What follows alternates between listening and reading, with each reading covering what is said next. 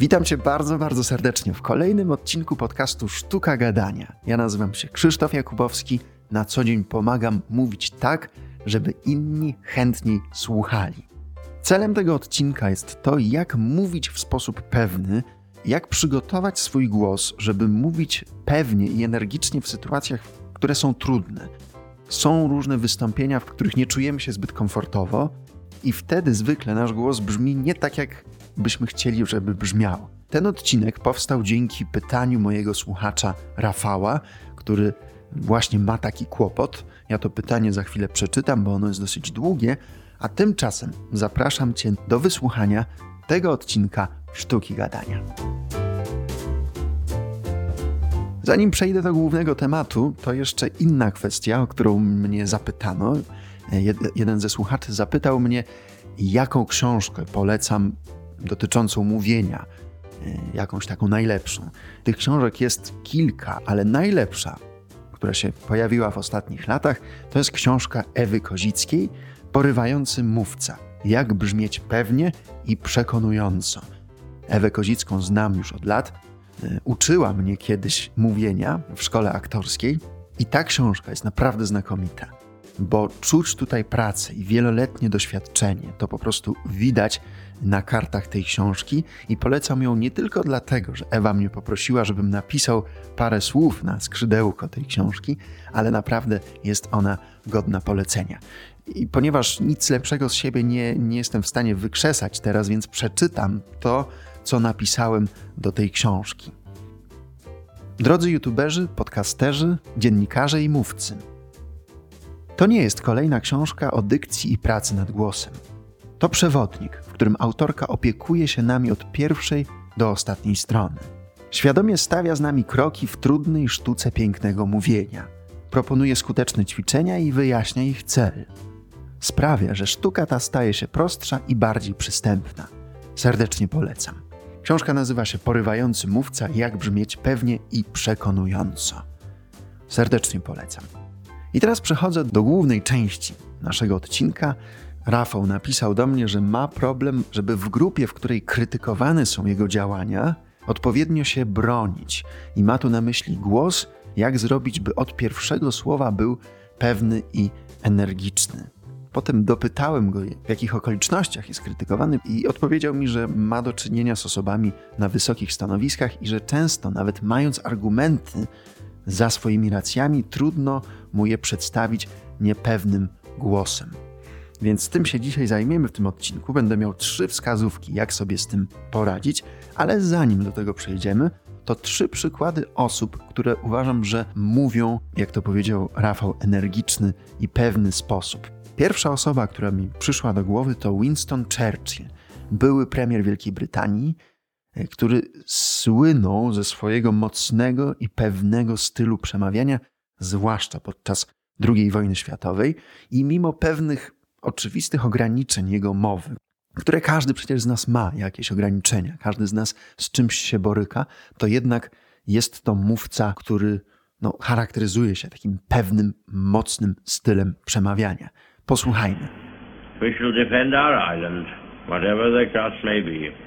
We shall fight on the beaches. We shall fight on the landing grounds. We shall fight in the fields and in the streets. We shall fight in the hills. We shall never surrender. And if, which I do not for a moment believe, this island or a large part of it were subjugated and starving, then our empire beyond the seas, armed and guarded by the British fleet, would carry on the struggle until, in God's good time, the new world, with all its power and might, steps forth to the rescue and the liberation of the old. Drugi przykład, który przyszedł mi do głowy, to Martin Luther King Jr., lider ruchu praw obywatelskich w Stanach Zjednoczonych, znany ze swoich przemówień, które były bardzo inspirujące, pewne, takie przekonujące, tak jak jego słynne I Have a Dream, posłuchajmy fragmentu jednego z jego przemówień.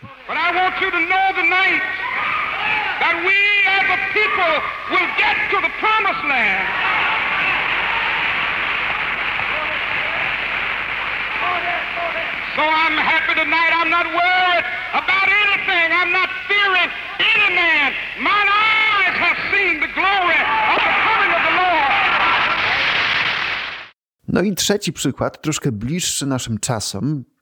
Osoba, która bardziej e, kojarzy się z filmami akcji, z filmami science fiction, Arnold Schwarzenegger, który przecież był także gubernatorem Kalifornii, więc e, przemówień przypuszczam, że miał w swoim życiu całkiem sporo, ale również znany jest z takich inspiracyjnych, motywujących przemówień, które są bardzo popularne na YouTubie.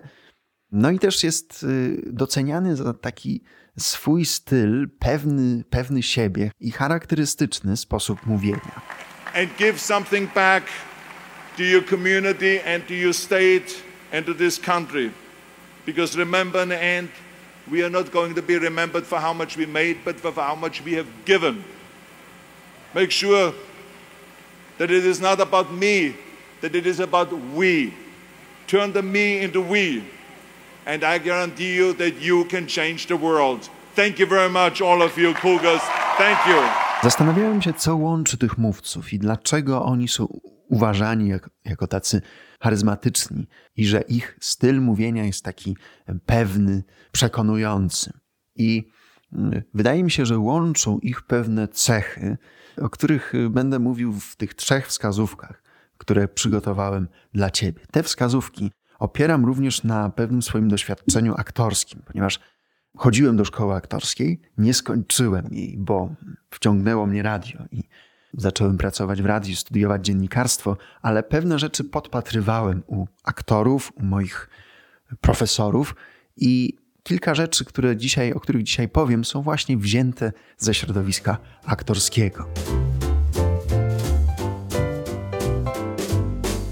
Wcale się nie dziwię, że Rafał zadał to pytanie, ponieważ często się zdarza, że nawet mamy przygotowane argumenty, mamy dobrze przemyślane to, co mamy powiedzieć, ale czujemy się na tyle niepewni, że ten głos no po prostu jest niespójny z tym, o czym mówimy. A więc jest, jest, powstaje jakiś taki dysonans. Człowiek mówi o ważnych rzeczach, próbuje nas do, do czegoś przekonać, ale jego głos brzmi całkiem niepewnie.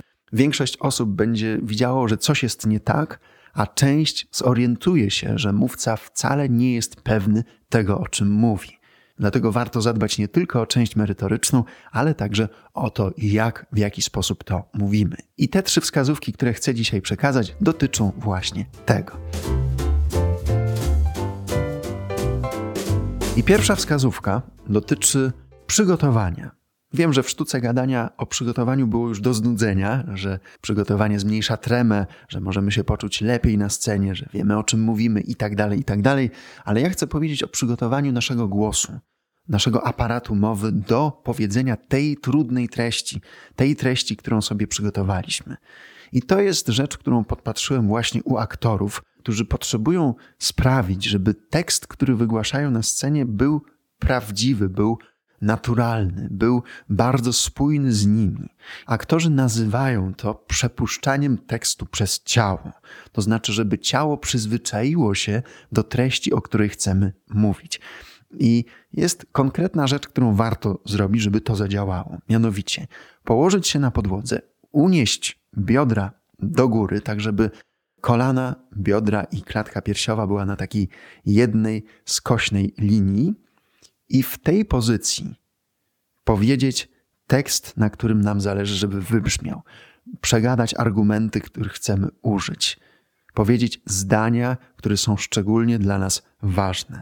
I kiedy potem staniemy i powiemy ten tekst, te argumenty już w normalnej pozycji stojącej, to głos zupełnie inaczej zabrzmi, ponieważ przepuścimy ten tekst przez ciało. Wiem, że to brzmi być może abstrakcyjnie, ale proponuję spróbować, bo y, próbowałem tego już wielokrotnie u siebie i u swoich kursantów, i to naprawdę działa. Jeżeli nie wyjaśniłem tego mm, zbyt jasno, bo to trzeba bardziej pokazać niż powiedzieć, to napiszcie do mnie, spróbuję wyjaśnić to lepiej. Druga moja sugestia to intencja. Warto jest wiedzieć, co chcemy powiedzieć, po co i do kogo. to znowu jest podpatrzone u aktorów, którzy mają taką zasadę, pewnie nie, nie wszyscy, ale, ale akurat tych, których poznałem, że jeżeli intencja jest kiepska, to też nasza mowa jest kiepska. Jeżeli intencja jest niepewna, to nasza mowa jest niepewna. Dlatego zawsze przed każdym wystąpieniem zastanówmy się, co chcemy powiedzieć, po co i do kogo. Warto sobie po prostu odpowiedzieć na te pytania, bo mając wyraźną intencję, będziemy wiedzieli, dokąd zmierzamy. A jeżeli będziemy wiedzieli, dokąd zmierzamy, to też nasza mowa, nasz głos, nasz sposób mówienia będzie przekonujący. I to jest coś, co łączy tych trzech mówców, o których wcześniej powiedziałem, że oni zabierając głos, stając na scenie, mówiąc do mikrofonu, dobrze wiedzieli, o czym chcą powiedzieć, po co i do kogo. I ta siła, ta energia, to zaangażowanie jest bardzo widoczne i jest zaraźliwe. No i trzecia moja wskazówka, przypomnę, że e, mówię o tym, jak e, brzmieć pewnie od samego początku, nawet w takich trudnych, wymagających wystąpieniach. Więc moja trzecia wskazówka to wizualizacja. Być może słowo wizualizacja kojarzy się niektórym źle. Były nawet takie różne filmy, książki, wykłady o tym, że wystarczy wyobrazić sobie pewne rzeczy i one się po prostu wydarzą. Nie mówiono, że e, oprócz wyobraźni trzeba też włożyć bardzo dużo pracy w to, żeby to się udało. Ale mówię o wizualizacji dlatego, że ona naprawdę pomaga. To znaczy, podobno mózg, nasz mózg nie odróżnia sytuacji wyobrażonej od takiej realnej, i dlatego, jeżeli wyobrazimy sobie pewne rzeczy, to mózg się przyzwyczaja do tego, że one już były i po prostu jest łatwiej je potem wykonać. Więc sugeruję wyobrazić sobie przed takim trudnym, zwłaszcza wystąpieniem, tę sytuację, w której e, jesteśmy w tej sali, w której mamy być, mówimy do tych ludzi, wyobrażamy siebie mówiącego i wyobrażamy sobie, że to nam po prostu idzie, że jesteśmy uśmiechnięci, zadowoleni. Możemy wyobrazić siebie po takim wystąpieniu, że wszystko wyszło dobrze i rzeczywiście ten lęk, ta, ta, ta trema jest mniejsza, kiedy już rzeczywiście do tej sytuacji dochodzi. Ostatnio miałem taką sytuację, ponieważ mówiłem przed osobami, z podobnej półki, co, co mój słuchacz Rafał, czyli to były osoby, dyrektorzy, jacyś członkowie zarządu, więc niełatwa widownia, która potem okazała się naprawdę bardzo sympatyczną i, i dobrą widownią, ale stresowałem się i wyobrażając siebie już w tej sytuacji, że ona, że ona nastąpiła, to mi bardzo pomagało. Więc polecam używać swojej wyobraźni. Podsumowując, pierwsza moja sugestia: przygotowywać swoją mowę przepuszczając ją przez ciało, robiąc na przykład to ćwiczenie na podłodze. Druga moja sugestia to zadbać o intencje każdej naszej wypowiedzi. I trzecia sugestia polega na tym, żeby wizualizować, zwłaszcza te trudne sytuacje, trudne wystąpienia. Serdecznie zachęcam do przesyłania mi kolejnych pytań, kolejnych e, sugestii dotyczących tematów, które mam poruszać. E, to jest dla mnie zawsze bardzo, bardzo ciekawe. Można to zrobić wysyłając maila pod adres kontakt.sztukagadania.gmail.com albo tak jak Rafał pisząc na Messengerze.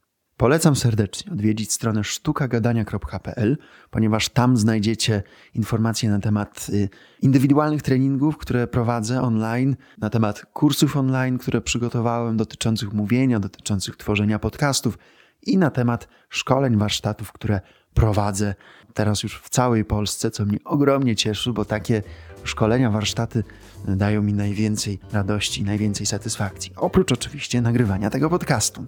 Mam nadzieję, że słyszymy się, a może nawet widzimy wkrótce. Ja nazywam się Krzysztof Jakubowski, to jest podcast Sztuka Gadania. Do usłyszenia, do zobaczenia.